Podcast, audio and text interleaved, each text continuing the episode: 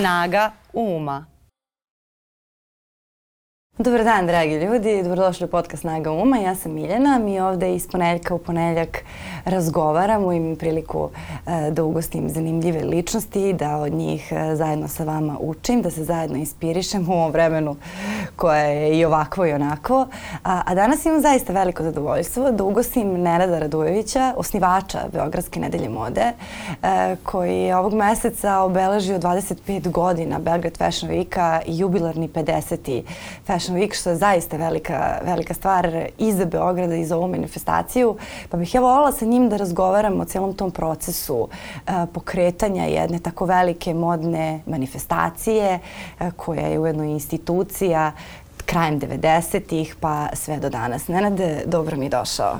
Boje te našao. I mnogo ti hvala na vremenu sada što si u, u okviru ovog e, zaista e, velikog haosa pozitivnog, najpozitivnijeg mogućeg izvojio vreme da dođeš da razgovaramo, ali nekako mislim da, e, da, baš, da baš treba da razgovaramo sada i da napravimo neku vrstu osvrta na sve ono što Belgrade Fashion Week jeste. I... To jeste jedan od mojih zadataka da, da ovaj, pričamo svema onome što, što radimo i ovaj, nekako mi je zadovoljstvo da pričam i s tobom, pošto se toliko dugo znamo i ti pratiš već Fashion Week, ne smijem da kažem koliko godina. Slobodno, slobodno. Da. Ja pratim Fashion Week eh, sigurno 12 godina, recimo, Aha. a to je dakle nek, negde polovina, tako da se ja ne sećam tih zaista pravih početaka i baš eh, dok sam bila na ovoj reviji sada jubilarnoj vašoj, o kojoj će se dugo govoriti, uh, razmišljala sam baš o tome kako li izgledao taj početak, dakle to su 90. Šverc desuje da. se brašno. A, a ti u tom trenutku si jedan onog mlad čovek koji reši da da pokrene Fashion Week u, u jednoj da. takvoj zemlji. Kako je to izgledalo? Pa to je bilo u nekim fazama, nije se to baš bilo tako, ovaj, tako odjednom, da. odjednom, s obzirom da je klik počeo sa radom 91. godine da. i tih pet godina do pokretanja Fashion Weeka smo mnogo toga već radili sticali neka iskustva, radili sa nekim ozbiljnim institucijama, upoznavali nove kreativne ljude, okupljali naš, na, naš tim. Tako da posle tih prvih pet godina je došla, došao trenutak, uh, zapravo sve počelo još 95. godine kada je uh, Francuski kulturni centar imao jednog zanimljivog gosta, Xavier Chamet, istoričar mode, koji je poželao da upozna mlade dizajnere i ljude koji se bave uh, nekim novim stvarima na našoj modnoj sceni i o, ja sam bio pozvan na taj susret, predstavio sam dizajnere s kojima radimo i to sve što smo radili neke zanimljive projekte koji su uglavnom u tim prvim godinama bili vezane za razne institucije kulture od etnografskog muzeja preko Srpske akademije nauka i umetnosti, Bitev teatra, Kulturnog centra Beograda. Uglavnom smo radili tako neke zanimljive projekte. Uh, I nakon tog susreta on je bio oduševljen time što je video i ponudio je Dragan Jognjenović i meni da odemo na jedno studijsko putovanje u Pariz, zapravo na Parijski Fashion Week. To je bilo 95. godine u jesen i ja sam tamo proveo dve nedelje, odgledao sam bezbroj revija uh, i od onih najvećih eh, kreatorskih zvezda do nekih studentskih, nekih novih zanimljivih dizajnera, sve u svemeno krajnje inspirativno putovanje i nakon toga sam ja rekao Beograd treba da dobije jednu ovakvu manifestaciju. Svestan sam da sada da je to bila verovatno ogromna hrabrost, rekao bih i ludost i ne, neverovatna energija da se to sprovede. Uh, I godinu dana kasnije, 96. godine, u decembru mesecu, Dragana Ognjenović otvorila prvi Fashion Week svojom revijom u Hayatu i tako je sve krenulo. Ali ti sada to kako, kako pričaš, neko ko je, ne znam, 2003. godište da te sluša, rekao bi pa da, dobro, to tako funkcioniše, ali to je 91. To je 95. Dakle, to je, to, to je jedno vrijeme, pritom u kom uh, i modna industrija u Srbiji, ono što je postojalo pre klika, je funkcionisalo na jedan vrlo problematičan način, imalo neke izazove kakve uopšte jedna ozbiljna modna priča ne bi trebalo da ima. A modni studio klike od početka nekako se zaista trudio da radi kao da to ništa ne postoji. Ja ću staviti moje naočare za sunce i meni moj psihijatar rekao da se ovo ko mene ne dešava. Da, I mene sad zanima kako, kako si ti to uspeo, jer ti i dan danas imaš i manekene i modne dizajnere koji su izgradili velike karijere, koji su sa tobom od početka. Prema tome, to je tako bilo od početka. Kako si ti to izveo? Mene to zanima. pa, ovaj, to je neki mladalač, mladalački entuzijazam, energija. Zapravo bila je želja da ja sam u to vreme poznavao dosta kreativnih ljudi i mojih prijatelja koji su različite stvari radili i to je bila želja da se mi okupimo i radimo nešto zajedno i da ovaj, eto, nekako moda je bila dobra, dobra platforma za, za sve te naše a, kreativne radosti, mogu tako da kažem. I to je od početka krenulo da se, da se ovaj, formira ta velika ekipa. Mi smo još 92. godine pozivali ljude na veliku audiciju koja nije podrazumela samo manekena, već i šminkere, frizere, stiliste, uh, dizajnere, grafičke dizajnere. Sve to smo želeli da, da, da ponudimo tu neku novu, uh, da kažem, energiju i novi način modne prezentacije. Pre toga moda je uh, funkcionisala pogotovo u 80. godinama mm -hmm. na jedan vrlo dobar način. Im postala jaka industrija, dobar sajam mode, postalo udruženje manekena koje je profesionalno radilo svoj posao, ali prosto početkom 90-ih nekako su se pojavile oni, oni top modeli u svetu, pa su se pojavljivali neki novi načini prezentacija i to mi, mi kao mladi smo želi to da promenimo i da radimo nekako drugačije. Ovo, ovaj, to nije bilo lako uspostaviti, stalno su nas eh, prozivali u medijima da smo neki mladi, novi ludi, nama to nije smetalo, mi smo imali neki svoj, neke svoje ideje koje smo realizovali i prosto to je tako teklo nekako. Ovaj, nije bilo jednostavno s jedne strane, ali kad imaš tu neku... E, I moram da kažem da u početku e, taj materijalni odnos prema poslu uh mhm. -huh. koji radiš, sad mladi ljudi e, ne kritikujem ih, ali je to potpuno sad drugačije. Malteni ne znaju šta, je, šta znači reč entuzijazam, niti znaju da treba da uložiš prvo svoju, svoje neko znanje ili svoju neku energiju, pa da onda od toga očekuješ neke rezultate. Ovaj, tako da mi smo u to vreme vrlo, recimo imali smo a, nekoliko puta nedeljno probe sa manekenima za te naše čuvene koreografije, a, niko se nije pitao sad koliko mi tu vremena trošimo, bilo nam je lepo da se družimo, stvarno je bilo neko fantastično vreme I mislim da je to razlog zašto smo i do dan danas ostali većina nas iz tih prvih godina klika u, i u kontaktu i, i dalje i radimo i podržamo se, znamo gde je ko, a, družimo se s vremena na vreme, tako da je to zapravo lepota celog ovog posla. Da. Ali ka, ka, pojenta je da, je to, da je to sve zaista išlo spontano. Ništa nije bilo sad tako nekako izdone pa kao sad ću ja ovo pa ću ovo, nego prosto je teklo nekako uh, logično, čini mi se. Da, i to kad kažeš entuzijazam, ja sada razmišljam, uh, koliki je tada bio izazov nabaviti materijale uopšte, a kamoli napraviti kolekciju, pa kažeš šminkeri, koliki je tada bio izazov nabaviti šminku, ti tada nisi mogao da kupiš makarone, a, a ne, ne znam sada, mislim da je to isto nešto što je mladim ljudima nepojemljivo. Danas uđeš u drogeriju i imaš nešto što je tada da. bilo nepojemljivo. Kako pa, ste vi snalazili za to? E, što se toga tiče, sad ja ovako pokušam se vraćam, početkom 90-ih još uvijek je neki onaj ostatak uh mhm. -huh. stare industrije i tekstila a, postojao i nije bio problem mnogo sa materijalima, naravno da nije bio neki preveliki izbor, ali E, ljudi su se snalazili. Na kraju kraju materijali, dizajneri su radili od materijali koji su bili u ponudi, tako da su se prilagođavali situaciji. Za šminku znam da je bilo teško, pogotovo što smo mi, da kažem, e, neću kažem izmislili, ali smo e, po prvi put uspostavili profesionalne modne šminkere koji su radili na revima, na snimanjima i to, to ranije nije bilo manekinke su se uglavnom same šminkale i onda prosto su zavili, šminkeri zavisli od svoje uh, kućne šminke i onda smo krenuli iz inostranstva da donosimo polako i da oni obogate taj svoj šminkerski kofer. Ali kažem, sve je bilo tako puno tog entuzijazma i energije i, i ovaj, snalazili smo se od onoga što imamo. A, a kako, kako je izgledao taj e, izlazak Beogradske nedelje mode u svet? Jer to 95. vi kada ste otešli na Paris Fashion Week, vama je tada trebala viza.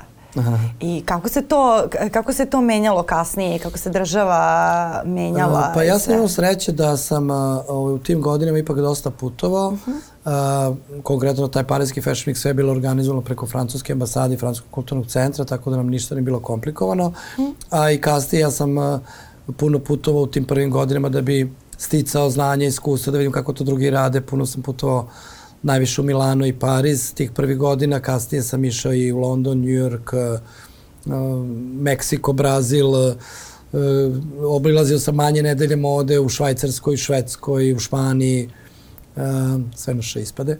ovaj, Tako da sam sticao to neko znanje i I imao sam, s obzirom sam imao svoju firmu i da su ljudi malte ni znali šta radim, nisam imao problem sa vizama, ali nije bilo baš jednostavno svaki put čekati i zavisiti od toga, ali uh, u to vreme su ljudi koji su želeli da putuju znali kako da dođu do viza i, i da se snađu, tako da ovaj, svako vreme ima neki svoj specifikum pa se čovjek snađe. A e sad kad pokrećeš nešto, uvek e, postoje ti izazovi da se dokažeš da si ozbiljan u nekom okruženju. Pa sada da li su to sponzori, da li je to javnost, da li je ovo, da li je ono. Koji su to uh, koraci bili? Prvo je verovatno trebalo da se dokažete da ste ozbiljni pred modelima, potencijalnim uh, kreatorima i, i svim tim ljudima koji bi trebalo da budu u timu. Pa onda pred Srbijom, pa onda pred međunarodnom međunarodnom scenu? Mi smo već imali tim koji uh -huh. je radio 5-6 godina zajedno i nekako nije bilo mm, nije bilo problema oko formiranja tog tima koji je mhm. zaista realizovao sve te revije i programe, ovaj, ali smo pokušali da uspostavimo neki sistem. Moram da kažem da prvi Fashion Week uh, nije baš bio bilo lako organizovati, s obzirom da su mnogi sumnjali da to može da se realizuje. Uh, i rekli su da može još nije vreme, da je, treba sačekati bolja vremena i tako dalje. Ja sam nekako znao da kad uradimo prvi, da će sigurno onaj drugi biti onako kako ja zamišljam da treba bude Fashion Week i tako je se ispostavilo. Prvi Fashion Week je bio mali, radili smo ga u Sava centru, imali smo tri dana revija, nekih grupnih, recimo Gordana Ćirić-Krstić u to vreme poznat dizajner centru tekstila, prvi put imala svoju samostalnu reviju upravo na tom Fashion Weeku, Onda smo dopunili program nekim zanimljivim, tad nije bilo ni fashion kanala, niti je bilo ovaj, mogućnosti da se, da se revije gledaju na TV-u, YouTube i sve ostalo. Ovaj, onda smo imali uh, specijalne projekcije koje smo dobili filmove, modne filmove o Yves Saint Laurentu, Christian Dioru, neke revije, pa smo imali takav program, imali smo okrugli 100 koji je bio upravo vezan za razvoj modne industrije kod nas. Znači, napravili smo jedan lep program uh, koji je inače i ostao baza onoga što mi dan danas radimo i na taj način smo dokazali da uh, taj program može da bude zanimljiv, da bude koristan, da, da ima tu i prezentacijonu i edukativnu i artističku viziju i to se tako završilo i nakon toga su mi svi čestitali i mnogi su bili oduševljeni. I onda drugi Fashion Week je trajao dve nedelje. A znači, bila je ta skepsa, nije vreme, to, to da, ona da, da. klasična. To malte pa, ne, da, u Srbiji to kad čuješ... 96. godine da. je bilo, to je bilo godinu dana nakon Dejtonskog sporozuma, da, da, da. zemlja je bila u haosu, 96. smo imali one demonstracije, bilo je mnogo toga ovaj, što te može sprečiti za rad, ali nekako, ja baš mislim da to samo su neke stvari koje treba preskočiti i koje treba savladati da bi realizovao neku svoju ideju. Da i to, e, dakle, kad, da si gledao recimo poslovno na odnos ponude i tražnje, to isto bi bilo potpuno paradoksalno jer u tom trenutku su klasne razlike u društvu bile ogromne. E, ta neka nova klasa koja se formirala nije ušte bila toliko okrenuta ka nekom umetničkom modnom izrazu, nego su više, ne znam, tad je bio modern Versace, da pršti, da taj neki, ta neka estetika koja je propagirana i na televiziji, vi ste totalno otešli u drugom pravcu. To je baš bilo onako i hrabro i fantastično. Pa moda je, moda je pitanje stila, moda je pitanje ukusa. Mi smo ovaj, od početka klika bili u dobroj ekipi, mm. ovaj, okruženi i uh, zanimljivim i dizajnerima i, i onim etabliranim i onim novim i prosto smo znali šta radimo i mislim da je to naša karakteristika svih ovih godina da pre svega imamo kvalitetne kolekcije, kvalitetne autore, dizajn da biramo šta predstavljamo publici i da to nije revija radi revije zbog same manifestacije ili da ima više revija, nego da zaista to ima smisla. Tako da nam je to bilo vrlo jednostavno, na kraju krajeva veći deo neke modne publike koji je stasava u Beogradu 80-ih i tekako ima ukusa i stila jer to je neko vreme kada je Beograd možda bio najrazvijeniji u tom smislu i nekako što bi se reklo ta ekipa je postojala i cenila ono što mi radimo i nisu bili na toj strani da, da o čemu ti sad pričaš ovaj, dizelaša i svega ostalog. I sada vraćam film, rekao si taj prvi Fashion Week 96. Eh, godina. Šta u tom trenutku postoji od medija koji prate modu? Imamo Burdu, Bazar, još uvek ne postoje ovi, još uvek nisu došle ove velike licence. Da, Sećam se tad je prodavana Gracija sa poklonima, pa smo to svi kupovali, tu smo mogli da kupimo neku šminku možda koje nema Aha, u radnjama. Nije još, nije još bilo mhm. brendiranih magazina, Bazar je bio vodeći, sa njima smo imali odličnu saradnju tih prvih da. godina. Uh, uredništvo je bilo zaista fantastično, fantastično od Milice Šibalić koja je bila u to vreme glavne odnovne ulica, Marina Kosanović, um, uh, još sad ne mogu zaboraviti da se setim svih imena, ovaj, Branka Kovačević, uh, ta, takođe radila. To su sve bile vrste novinarke i vr, vrlo su dobro znali šta mi radimo i vrlo su mhm. Marija Krajnc modna urednica da. ovaj, i jako smo imali veliku podršku. Praktična žena je tad već bila onako na izdisa ili su oni postojali i nije bilo mnogo medija. Od televizija krenule su sad malo i ove nove televizije, treći kanal sam se dosta pratio i tad je nekako bilo malo a, relaksiranije, sada nekako se sve gleda kroz novac i gleda se ko je, da li je PR, nije PR, da li sad nekog reklamiraš, ne reklamiraš. Ranije se nekako, čini mi se, više gledao taj kvalitet samog programa i na taj način se dobijao prostor u medijima i mi smo tu jako dobro stajali, sa, sarađivali smo sa brojnim medijima, uh, internet još nije bio toliko razvijen, to jest nije još krenuo nije u to vreme, da, da. Internet, da. Tek, jer ja tačno znam, prvi Fashion Week smo organizovali tako što smo imali ponude na pisaćoj mašini, a već sledeći, 97. smo već imali kompjuter i krenuli smo radimo na kompjuteru i čuvam sve te, ovaj, sve te spise naše, tako mi je drago da to neki put vidim. Uh, uglavnom, Uglavnom mi smo se savali sa tom nekom novom, novim razvojem tehnologija. Čuvam pagere s kojima smo funkcionisali prvi godine, pa smo morali da imamo, ne znam, 5-6 pagera da bi mogli svi međusobno da komuniciramo i tako. Sve u svemu to je baš zabavno neka istorija. Je li i tada već bilo bitno ko sedi u prvom redu? Od početka. Od uvek. Znači, od uvek je to bilo važno. Ove, tad se malo bolje znalo i ljudi koji nisu mogli da sednu u prvi red su znali da zašto moraju da sedne u drugi ili treći. Sada kada imamo revije, mi ne možemo da imamo više od tri reda, jer nemamo koga da smestimo u četvrti red, mada sad na otvaranju bilo pet redova, jer sam rekao, ja stvarno ne mogu toliko publiku prijaviti da mislim da nije važno i onda smo izdigli, posle dugo, dugo godina smo izdigli pistu, pošto je trend više od deceniju da, se, da su revije u nivou publike. Mm -hmm. Mi smo sad izdigli pistu upravo zbog toga da ljudi iz četvrtog i petog reda mogu normalno da vide ovaj, modele, jer to je suština, ali taj prestiž prvog reda je ostao do dan danas. A, a kad su počele da se razvijaju te Belgius Fashion Week žurke? A, pa to je nekako uvek bilo uz nas vezano i svi očekuju. Ja sam ranije, ranije smo to češće možda radili, jer je bilo nekako... Bili smo mlađi. Mlađi to. Imali smo Onda smo jedno vreme radili u Expo centru kad se završe revije, da smo tamo uh mhm. -huh. radili sa različitim našim partnerima i to je baš bilo onako wow i, u smislu i muzike i pića i svega je bilo i druženja. Ovaj, sada nekako, kako sam možda ja stariji, onda nekako manje razmišljam o tome, svi kao kad će neka žurka, šta će se dešava, tako da uvek napravimo nešto na kraju, tako da ne tako često kao ranije, ali i to mora da i to je deo Fashion Weeka svakako. Da, i ta muzika uh, koja je obeležila i uh, sada ovo otvaranje u veliku mm -hmm. jubilarnu, jubilarnu reviju je zaista bila fantastična i zajedno sa modelima tih 80 dizajnera koji su prošli kroz to i, to, i, ta, i ta moda koji su baš ti modeli, uh, nekako je muzika imala posebnu, posebnu da. ulogu i podsjetila nas do koje mere je i ta muzika zapravo sve vreme deo, uh, deo priče Belgrade Fashion Week. Jeste. Pa sad ne znam da li znaš moj alter ego, DJ Ned, ovaj, ja sam često puštao muziku i to su me terali ljudi uglavnom za svoje prijatelje i dobio sam taj nadimak, to jest ime kao DJ kad sam zabavljao ljude kad smo radili češće malo te žurke. Uh mhm. -huh. I uglavnom sam ja za te neke revije, ja volim da izaberem muziku, to je nekako moje zadovoljstvo. I moja ideja je bila da se za otvaranje pušta isključivo domaća muzika, i da to bude 80, budu 80. 90. i 2000. otprilike te neke tri decenije koliko ovaj, kako, koliko kliki postoji. Međutim, kad sam krenuo, pošto sam ja naravno 80-ih ovaj, najviše e, slušao muziku i sve znao na pamet i reči i, i pravio svoje top liste. Kad sam krenuo sam se nekako zaustavio na tim 80, rekao nek idu sve 80 svi, ovaj, nešto nek bude za moju generaciju i shvatio sam da će mnogi ljudi prepoznati neke pesme.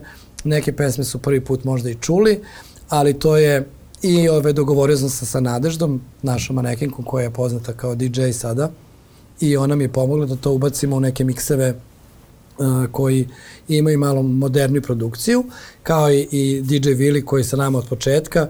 To su neka dva dobra miksa napravljena od te muzike i to je bilo za vreme revije i stvarno su mnogi pohvalili i dobili smo ovaj zadatak da da napravimo sad tu playlistu koju moramo da delimo ljudima, jer zaista je bilo fenomenalna muzike, ali nekako uh, ja se sećam tih 80. godina kada je Beograd bio stvarno ovaj, uh, vrlo blizak toj, tom nekom zapadnom tipu muzike i od, ne znam, Idola i njihovog legendarnog Kenozoik uh, album, ono u stvari odbrani poslednje dani, koji je proglašen inače za album veka ili već ne Nešto, znam kako da, da ali moram da kažem da je taj album te godine, 83. ja mislim, ili četvrte, proglašen za uh, top 10 najboljih alternativnih albuma u Evropi. Mm -hmm. Tako da sam ja ponosan znači, na to vreme i znam tu muziku i bilo mi je drago da, da je podelim sa ljudima upravo na toj reviji. E sad, e, kako, kako je izgledalo to pozicioniranje Belgrade Fashion Weeka na međunarodnoj mapi? E, jer u jednom trenutku su naši dizajneri e, sa Belgrade Fashion Weeka i zahvaljujući Belgrade Fashion Weeku počeli da izlažu u inostranstvu, baš kao što je svojevremeno Aleksandar Joksimović opet sa nekom mnogo većom mašinerijom yes. išao, izlagao u Parizu i, i ovaj, izazivao neverovatne reakcije. Kako je to došlo do toga? U jednom trenutku se baš zavrtelo letelo. To je i yes. Miami Fashion Week, i Pariz, i London, Mitanovska, i, yes, znači svi, yes. na sve strane je bilo. Uh, pa pre svega smo mi krenuli da uh, plasiramo naše dizajnere u regionu, znači osvajali smo region i moram da kažem da je Beogradski Fashion Week prvi Fashion Week u istočnoj i jugoistočnoj Evropi i da smo, da su mnogi uh, ljudi iz, iz pre svega iz istočne Evrope, ali iz našeg regiona dolazili u Beograd da vide šta smo mi to napravili. Tako da su se vrlo brzo pokrenuli nedelje mode i u Zagrebu, u Sarajevo, Ljubljani, malo kasnije u, u Skoplju i Podgorici, ali su kod nas dolazili i kolege iz Bukurešta, iz Budimpešte, iz Praga, iz Moskve, uh, iz Grčke. Svi su dolazili i da vide šta radi, dobili smo ogromne pohvale i m, uspostavili smo neke saradnje, tako da prvo smo osvajali taj region, uh, vrlo brzo kad su osnovane te regionalne nedelje mode su oni pozivali uglavnom naše dizajnere, nisu imali dovoljno uh, nemaju dovoljno dizajnera na svojoj modnoj sceni, tako je to bio prvi važan korak, onda sledeći korak je bilo tu saradnja sa Budimpeštom, mm, znam da smo išli Budimpešta, Grčka, Prag i onda nakon toga smo krenuli za ove, u nove zbiljnije centre jer sam čekao da zapravo dobijem potvrdu da mi možemo našom kreativnošću, našim kvalitetom da budemo rame uz rame sa nekim novim dizajnerima koji se pojavljaju na tim tržištima.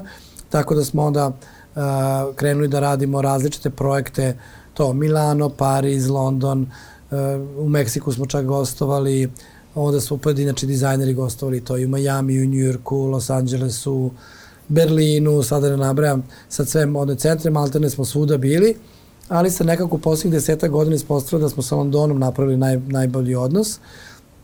Pre svega zato što je London na svetskom nivou rasadnih talenata i ako se sagleda istorija poznatih kreatorskih imena, mnogi od njih od Aleksandra McQueena, John Galliana, Vivian Westwood su krenuli upravo iz Londona i posle su osvajali druge centre.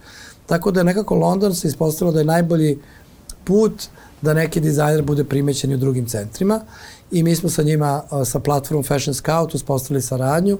Oni su toliko bili zadovoljni time da smo da je osnovan projekat Fashion Scout Southeast Europe koji je bio, centar je bio u Beogradu gde smo mi organizovali konkurse za regionalne dizajnere i najbolji dizajner sa tog e, konkursa je odlazio, dobio je prezentaciju u Londonu na njihovom Fashion Weeku u okviru Fashion Scout platforme i to je bilo od 2013.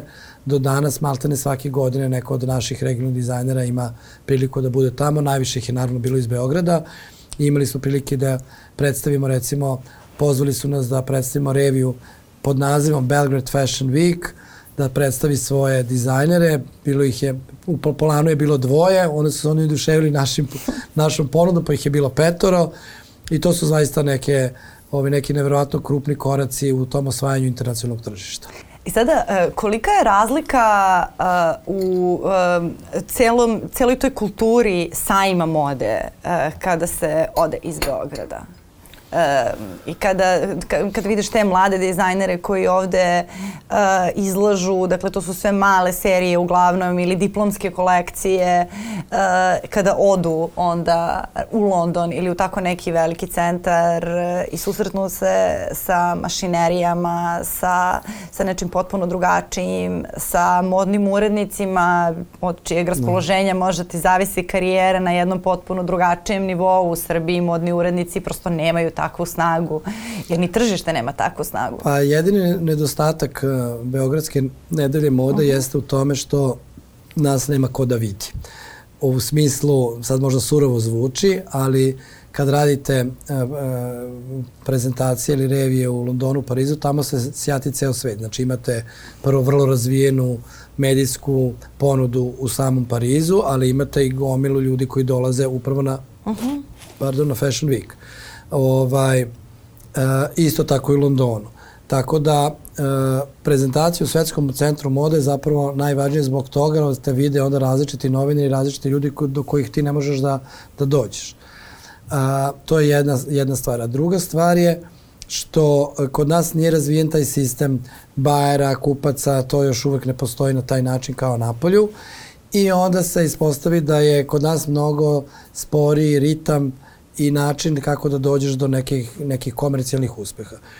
Zato smo mi u inostranstvu pre svega vodili one dizajnere koji jesu mladi godinama, ali koji su ipak imali neko iskustvo i koji ipak imaju, imaju znanje da naprave tu kolekciju, da je naprave na način koji će biti priznat i dopadljiv i profesionalan u tim centrima, tako da su ipak išli dizajneri koji imaju iskustva, ne znam, 5-10 godina rada, ali s obzirom da su oni jako mladi kretali uh -huh. ovaj, u Beogradu, računato je da su mladi i za ta tržišta. Jer da. tamo u svetu uh, do 35 godina kad još uvijek zovu mladi kreatori, jer obično njima treba mnogo vremena da dođu do nekog do neke varijante da budu etablirani ili prepoznati. Malo je njih koji budu prepoznati u tim nekim svojim prvim godinama a, karijera i da onda praktično dobijaju tu dobru poziciju ili pažnju u svetskim centrima mode. Ali u svakom slučaju svako, svaki naš nastup u, na internacionalnim nedeljama moda imao veliku pažnju, imali smo fantastičan press clipping ovaj, i, i upravo zbog nečeg što je posebno, to je neka naša autentičnost, uh mhm. -huh. jer ono što je, od, po čemu se mi razlikujemo od drugih centara mode jeste što smo mi nekako ovde izolovani u smislu da nam nisu ti trendovi toliko nametani kao što je tamo. Tako da tamo moraš da radiš po nekim postulatima i teško da izlaziš iz tih okvira. A naši ljudi, većina dizajnera koje sam ja vodio, kao što je Rana Ljubinković ili Marko Mitanovski ili Ivana Pilja, George Styler, uh, imaju neke svoje potpuno drugačije priče koje nisu u tim trendovskim okvirima, nego imaju neko, neku ovaj, Nevena Ivanović sa neodizajnom, koji imaju neke uh, inspiracije u našem kulturnom nasledđu, neke, neke motive i nešto što je zaista autentično za naš, naše podneblje. I onda je to prepoznato jer je to veliki kvalitet u svetu, može da budeš drugačiji, a kod nas je to nekako išlo glatko i zbog toga su oni imali uspeh ovaj, na internacionalnom planu. Na što me zanima sada? Znači, imamo jedno razdoblje od 25 godina. Jako je malo pojava na ovim prostorima koje imaju neku vrstu konstante u smislu vrednosti, ne samo uspeha, a ti se stvarno čoveče, znači nisi promenio ni malo, majke mi sad uopšte niti ti laskam, niti bilo šta, ne, ne u onom smislu sada kao ne menjam se, vrijeme se menja, ali ja neću, nego zaista menjale su se vlasti i okolnosti, finansijska situacija, trendovi, mainstreamovi u Srbiji, dolazile su druge modne manifestacije, odlazile, prilagođavale, estradizovala se moda, znači svašta se izdešavalo u ovih 25 godina. Pevačice su pa, pokretale modne linije, pa su onda rešile da im više nije zanimljivo da pokreću modne linije, pa su počele da pišu knjige. Znači, baš se svašta izdešavalo što se mode tiče, ali uh, ti nikada nisi vrdao. Nisam, kre, nisam skrenuo sa svog puta. Pa Nikad. Pa nekako... kako, si tu, ti, kako si ostao tako dosledan? Pa taj princip da imaš svoj cilj da ideš ka njemu nekom rav, rav, uh -huh. ravno, uh, ravnolinijskim putem, da. dobro sam rekao, da. ovaj, je zapravo suština. Da. Jer ti kad odrediš svoj cilj, e, onda lako gledaš u njega i, i neću kažem lako stižeš do njega, ali lako ne skreneš sa puta, to. ako znaš šta radiš. To stvari I posvećenost, se, da. I ta posvećenost i ta energija svakako i ekipa s kojom radim i uh, imam imam dobro oko i dan danas, pošto ljudi ovaj, znam da prepoznam i talent, mladog talentovnog dizajnera ili, ili manekena ili nekog sarednika i imam utisak da onda uh, uh, taj moj način razmišljanja o modi kao umetnosti pre svega mi ne dozvoljava da, da sad mnogo tu, što ti kažeš, šaram, nego da, da imam taj, taj dobar, dobro utabani put i da idem ka tom cilju i mislim da je to nekako, meni je to nekako ispalo sasvim logično i spontano. Nisam se nešto pretredno trudio, ali sam znao sve vreme šta radim ovaj, i velika je sreća što sam imao ovaj, veliki broj saradnika koji su mi verovali, koji me prate i koji su mnogi od njih od prvog Fashion Weeka sa, sa nama i da to zajedno radimo i da je to zapravo ima sve smisla ovaj, bez obzira na sve te stvari koje si nabrala, da. da, da ne ponavljam, jer ne može da te nekako mene su mnoge te samozvane dizajneri zvali kao hteli su da učestvuju, ja to nisam dozvoljavao jer sam uvek želeo da prezentujem prave modne stvaraoce. Ja sam čak i razmišljala, ne mora čak ni to da bude neko vrednostno pomeranje, u smislu sada da ti pristaješ na nešto što, što, što tebi po ukusu ne odgovara, ali ja sam sigurna da si ti za ovih 25 godina mogao i kao stilista da imaš eh, je, još jednu karijeru, da bi kao dizajner imao sigurno još jednu karijeru i da bi, da bi to i sigurno bilo dobro. Mislim, ja ne mogu da zamislim da sad sutra kaže neko Nenad Radojević ima autorsku kolekciju, izbacuje kolekciju čega god da ne bi došao ceo grad i ne mogu da zamislim da to ne bi bilo dobro. Mislim, prosto, prosto je nemoguće. Jesi imao nekad razmišljanja tog tipa? Pa imao sam ideju, uh -huh. ali ne znam, onda bi morao da, da izmislim, meni mnogo fali drugi Nenad koji bi mi pomogao da se ovo radim, a treći Nenad bi mogu da se baviti tim stvarima. Uh -huh. Bilo mi je uh -huh. na pameti i ovaj, učestvovao sam čak i u nekim stvaranju nekih brendova i tako, ali nisam se nikad ohrabrio ili nisam možda imao dovoljno vremena da se ohrabrim da radim takve stvari ili ko zna, ovaj, pošto sam ambiciozan i mislim da imaš dovoljno vremena, možda, možda se tako nešto i desi. To bi bilo lepo ovaj, pa za, eto, možda, za neku, možda da. to uradim. Kao što je pokretanje našeg časopisa FAR, ako se sećaš. Sećam se kako se ne sećam, to mi i dalje omiljeni da, časopis. Da, i moram ti kažem da će Fashion izaći. Art. Izaći će e, specijalno izdanje Fashion Art magazina FAR upravo povodom ovog 50. Fashion Weeka i želimo da ga vratimo na neki način. Su mnogi ljudi gladni i željni upravo takvog magazina koji zapravo dava punu slobodu svim svojim autorima od, tek, od onih koji su pisali tekstove do onih koji su radili editorijale, fotografisali, dizajneri, mogli su sve da plasiraju sve svoje razne ideje kroz jedan tako kvalitetan, kvalitetno upakovan magazin i ljudi u Londonu kad sam ga nosio i tamo mhm. -huh. prezentovao te poslednje godine kad je izlazio, su mi mahali ti mi kao šta je ovo, ovo moguće rađeno u Srbiji, hoćemo mi to ovde i onda kad, jer to je jako skup proizvod praktično da. kad ga pokažete negde na polju, a mi smo ga ovde radili opet na tom entuzijazmu i energiji. Nažalost, u jednom trenutku nije to moglo više da se sklope te kockice, ali evo, želje nam je da ga vratimo ponovo u eter. Da, i samo za, za, za ljude koji su možda mlađi ili nisu imali priliku da, da se informiš o tome. Dakle, FAR, e, Nenad ga je nazvao časopisom, ali to je zaista svaki broj izgledao kao jedna knjiga i to vrlo ozbiljna u velikom formatu e, gde su fotografije i modne editorijale radili naši najbolji umetnici fotografije i to, to ne samo što su radili, nego su nekako čini se i najviše uživali u tom, yes. fotografijama, najviše pokazivali e, svoje umetničke sposobnosti i gde gde je zaista jedan onako, ne mogu da kažem ni proizvod, jedno izdanje koje se čuva, ja mislim da i dalje čuvam sve brojeve koje sam imala uh, i zaista nešto što onako baš uh, kada pogledate i kažete ovo dolazi iz Beograda, stvarno pomislite, wow, ja sam iz grada koji ovo ima, nekako imalo je tu, tu neku neverovatnu čaroliju, ono baš je divno. Bilo, da, mm -hmm. što, hvala ti na tim divnim rečima, ali ono što nisi rekla jeste mm -hmm. da je mhm. svaki broj imao svog gosta urednika. Da, gosta urednika, I da, to je velika bio potpuno stvar. drugačiji. Mi nemamo mm -hmm. naš logo, FAR nema svoj logo, na svakom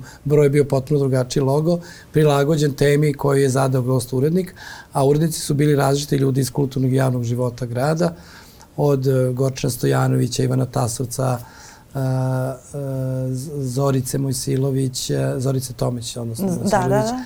Ovaj, Ko je još bio? Ovaj, bio je, bila je Olja Vanjicki, posthumno smo radili yes. broj sa njom, ovaj, odnosno o njoj. Uh, onda je ko još bio Duška Jovanić. Ko je uređivao Jovan koji ti ta... Duška, Duška Jovanić. Duška, da, to je da, bilo da. Duška. I Ana Ljubinković isto radila jedan da. broj koji je bio potpuno fascinantno. Svaka stranica je bila posebno dizajnirana, što je neverovatan rad bio. Pomenuo si te 90. koje su u svetskoj modi bile najglamuroznije moguće. Imali smo te top modele koji ne ustaju iz kreveta bez nekih uh, astronomskih cifara o kojima, se, o kojima se pričalo i slično. Prosto postoje ceo jedan način života koji je pratio tu modu i s druge strane Srbija u kojoj to sve onako nastaje na, na entuzijazmu i na svemu tome. Uh, ali čak i posle nekako a, u okviru Beogradske nedelje mode i cele te Beogradske modne priče, koliko god da su tim pistama a, vrlo često šetali mane, manekeni i manekenke koji su kasnije pravili ogromne svetske karijere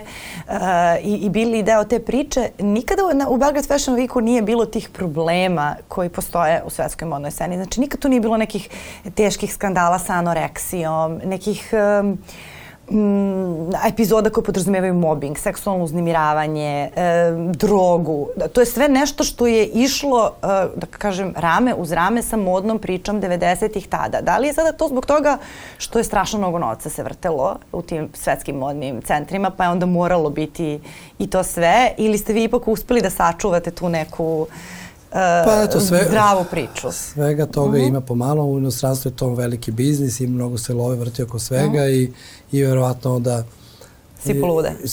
Pa ima mnogo mešetara koji vrte oko toga i koji žele da zapravo iskoriste tu popularnost i manekena i moda i svega ostalog. Mm. Mi smo nekako, s obzirom da je klik stvarno rastao kao jedna velika porodica, mi smo nekako uvek bili svi naši, imali smo jako dobar način komunikacije, e, nismo bili neka obična modna agencija, svi smo se jako dobro poznavali, trudili smo se i radili profesionalno svoj posao, pošto smo mi radili sa, počinjali sa vrlo mladim manekenima, imali smo dobar odnos sa roditeljima i dan danas svi žele da dovedu svoje ovaj, mlade devojke ili momke kod nas zato što znaju da mi imamo upravo taj sistem koji podrazumuje tu neku sigurnost. Sad je mnogo gori, teže s obzirom na ove društvene mreže, jer svi misle da mogu da budu manekeni i svi neki misle da mogu da budu menadžeri manekenima i zlopotrebljavaju te stvari. Ali mi smo uvek nekako ostali verni toj uh, tom, tom načinu da brinemo o svima i da vodimo računa o svemu uh -huh. i da se ponašamo normalno i da radimo svoj posao koji volimo. Tako da, eto, nikad nismo imali te skandale o kojima sad Dobro, ali 90-ih mi se čini, makar da je to bio još veći izazov, to, sačuvati mlade devojke, mlade pa, momke u tom ti, nekom... Mogu ti reći da je sad veći izazov, zato što Stvarno? tada, pa tada nekako nisi mogao lako da dođeš do manekena. Ti sad kad prepoznaš neku lepu devojku na Instagramu, uh mhm. -huh. ti možeš njoj da pišeš u da direktno se obratiš, znači mi smo ranije nismo davali telefone manekenima da ih ne bi neko uznemiravao i tako dalje. Sad svako može da dođe tog manekena ili da prepozna devojka ponudi da bude manekenka, onda sad zavisi. Ako pričaš sa nekom mladom osobom koja ima 16-17 godina ili čak i manje, onda vrlo lako je obrlatiš, onda ta biti popularno ovo vreme je nekako must za mlade ljude, tako da ima mnogo izazova, tako da mi uvek savjetujemo roditeljima da vode računa i da kad god ih neko tako kontaktira da nam se obrate, da možemo da im pomognemo, jer stvarno postoji mnogo sumnjivih priča i ovaj, mnogo zavisi od roditelja koliko će brinuti o toj deci. A sada kako privodimo ovu kafu kraju, prosto ne mogu da se ne osvrnem na taj moment. Uh, pomenuo si posvećenost, e, ali e, da, po kom principu si se ti vodio u tim nekim situacijama koje su bile teške? Evo sada poslednja kriza koja je baš pogodila i modu jeste bila ta korona i događaj, ali generalno vi ste istrajavali bez obzira na sve što se, što se dešavalo, uvek ste se vraćali. Koji je bio taj tvoj, da kažem, ajde, neki poslovno ideološki pristup? Kako on izgleda? Šta Nevena radi kad je frka? Mo, nisam te razumeo što me pitaš. Ne, kako razmišljaš u tim situacijama kada najđeš na neke tako baš malo veće prepreke, probleme i to, Aha. E, ne znam, nema novca, nema da, da, da. ničega, nema događaja, nema kreatora, nema mladih dizajnera, šta god. Kako, kako uspevaš to da, da, da, preš, da prespojiš?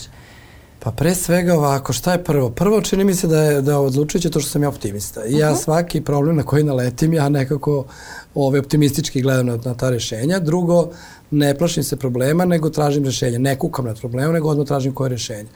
I ovaj, svaki problem ima svoje rešenje, naravno postoji različiti načini i naravno uvek je taj neki najdirektniji, najbolji. I čini mi se da sam uspevao mnoge te stvari da tako prebrodim. Naravno, vrlo sam fleksibilan i snalažljiv i imam iskustva sada već o, o ovom poslu i o ovoj zemlji, kako da kažem. Tako da sam nalazi uvek načina kako da prebrodim te stvari. Naravno da mnogi put, da često nije bilo lako i zbog novca i zbog e, tih nekih stvari trebalo je animirati ljude da rade, osmišljavali smo stalno neke nove formate, neke drugačije načine prezentacije, uh, ali to je uvek bilo plus, recimo modne vinjete, sećaš se dobro Sećam tog programa. Se, da. To je smišljeno samo da bi dizajneri mogli sa nekoliko komada odeće da se prezentuju na neki zanimljiv način, da to ima smisla. I onda to ispostavlja se ne da smo, da, da smo se prilagođavali njima, nego smo od toga napravili poseban modni događaj koji je imao jednu drugačiju vrstu umetničkog pristupa i te modne vinjete su godinama bile omiljeni program, a prikazivali su samo po nekoliko modela samih dizajnera. Da. Kasnije smo smislili i male mini kolekcije, odnosno kapsul kolekcije koje su u svetu postale moderne, da ove može da se predstavlja i to na, na Fashion Weeku sa više dizajnera zajedno i tako dalje i tako dalje. Uvek smo nalazili način da pre, prevaziđemo te neke probleme. Uh, novac naravno uvek predstavlja problem, ali ovaj, to je ona priča o uh, puno dece, kuća besna i to je sve, da. to je deca besna, kuća tesna. Ovaj, tako da smo uh, u tim nekim uh, kvalitetnim, dobrim odnosima, dizajneri su znali da mi brinemo o njima i da, da znaju da mi želimo najbolje uh mhm. -huh. svima i nekako smo zajedno dolazili do tih rešenja. Na kraju krajeva osnovali smo to udruženje dizajnera, BFF Design Collective, odnosno upravo ti dizajneri s kojima smo godinama radili su članovi tog udruženja, ima ih oko 80 u našem udruženju, iz toga je proizašao Fashion Inkubator, odnosno briga o mladim dizajnerima, To smo takođe često radili, samo smo sad osmislili neku formu, tako da smo osnovali taj mm, NGO ili nevladenu organizaciju koja, koja se bavi i tim ozbiljnim stvarima oko, oko ovaj, dizajnera. Da, ti u stvari uvek imaš, e, uvek iz neke tako neprilike proistekne nova ideja. Nova ideja da, pa da. To, to, je, to, je, to je zaista divno.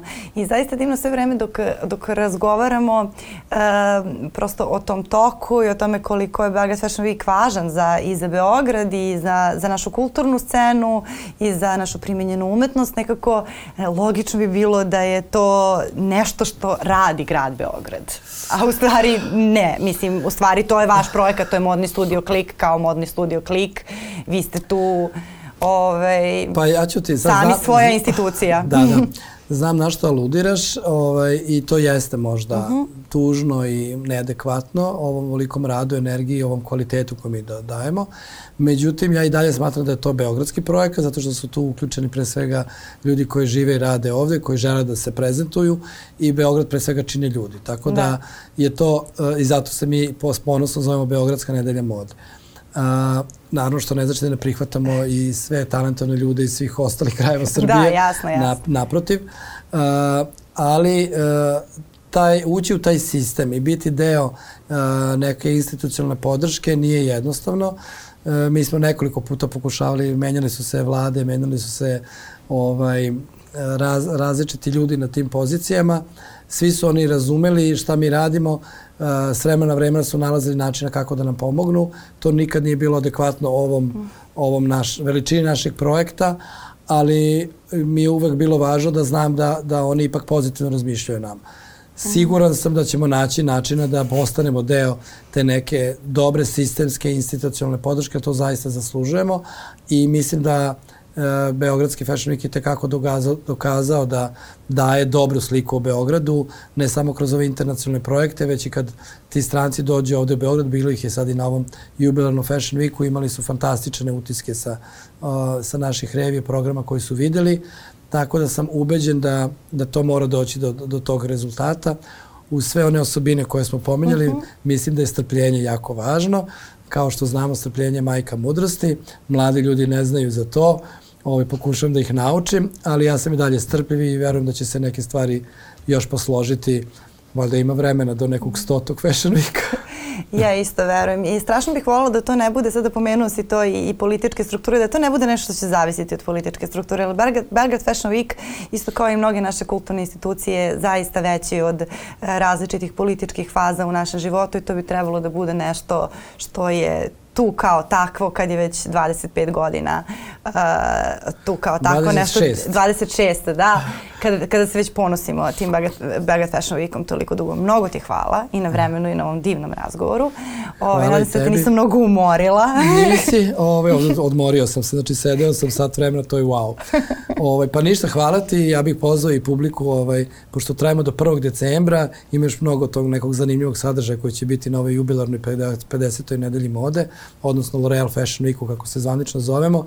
I uh, ja držim do toga da imamo te organik pratioce na Instagramu i sve i da imamo zaista veliku posto ljudi dele mnoge te naše sadržaje, tako sam siguran da će nas pratiti i do, do, do 1. decembra kada, kada sve traja i dalje, s obzirom da će biti mnogo stvari kao što i časopis Far koji će izaći ovaj, na osnovu ove, ovog jubileja. Moći će da prate lajvove, je li tako? Da, da, lajvove da. prate, da. Pošto ja gledam u Guggenheimu šta se dešava, to mi je da. ovo jedan od omiljenih lajvova. Hvala ti mnogo. Hvala i tebi. Uh, vidimo se na Fashion Weeku. Uh, hvala i vama na vremenoj pažnji. Danas smo razgovarali sa Nenadom Radujevićem. Nadam se da smo vas malo proveli kroz vreme, uh, da smo vas možda malo inspirisali i motivisali, ovaj, pokazali da ništa nije nemoguće, da treba biti optimista. A mi smo tu i sledećeg ponedeljka na Nova RS. Prijetno!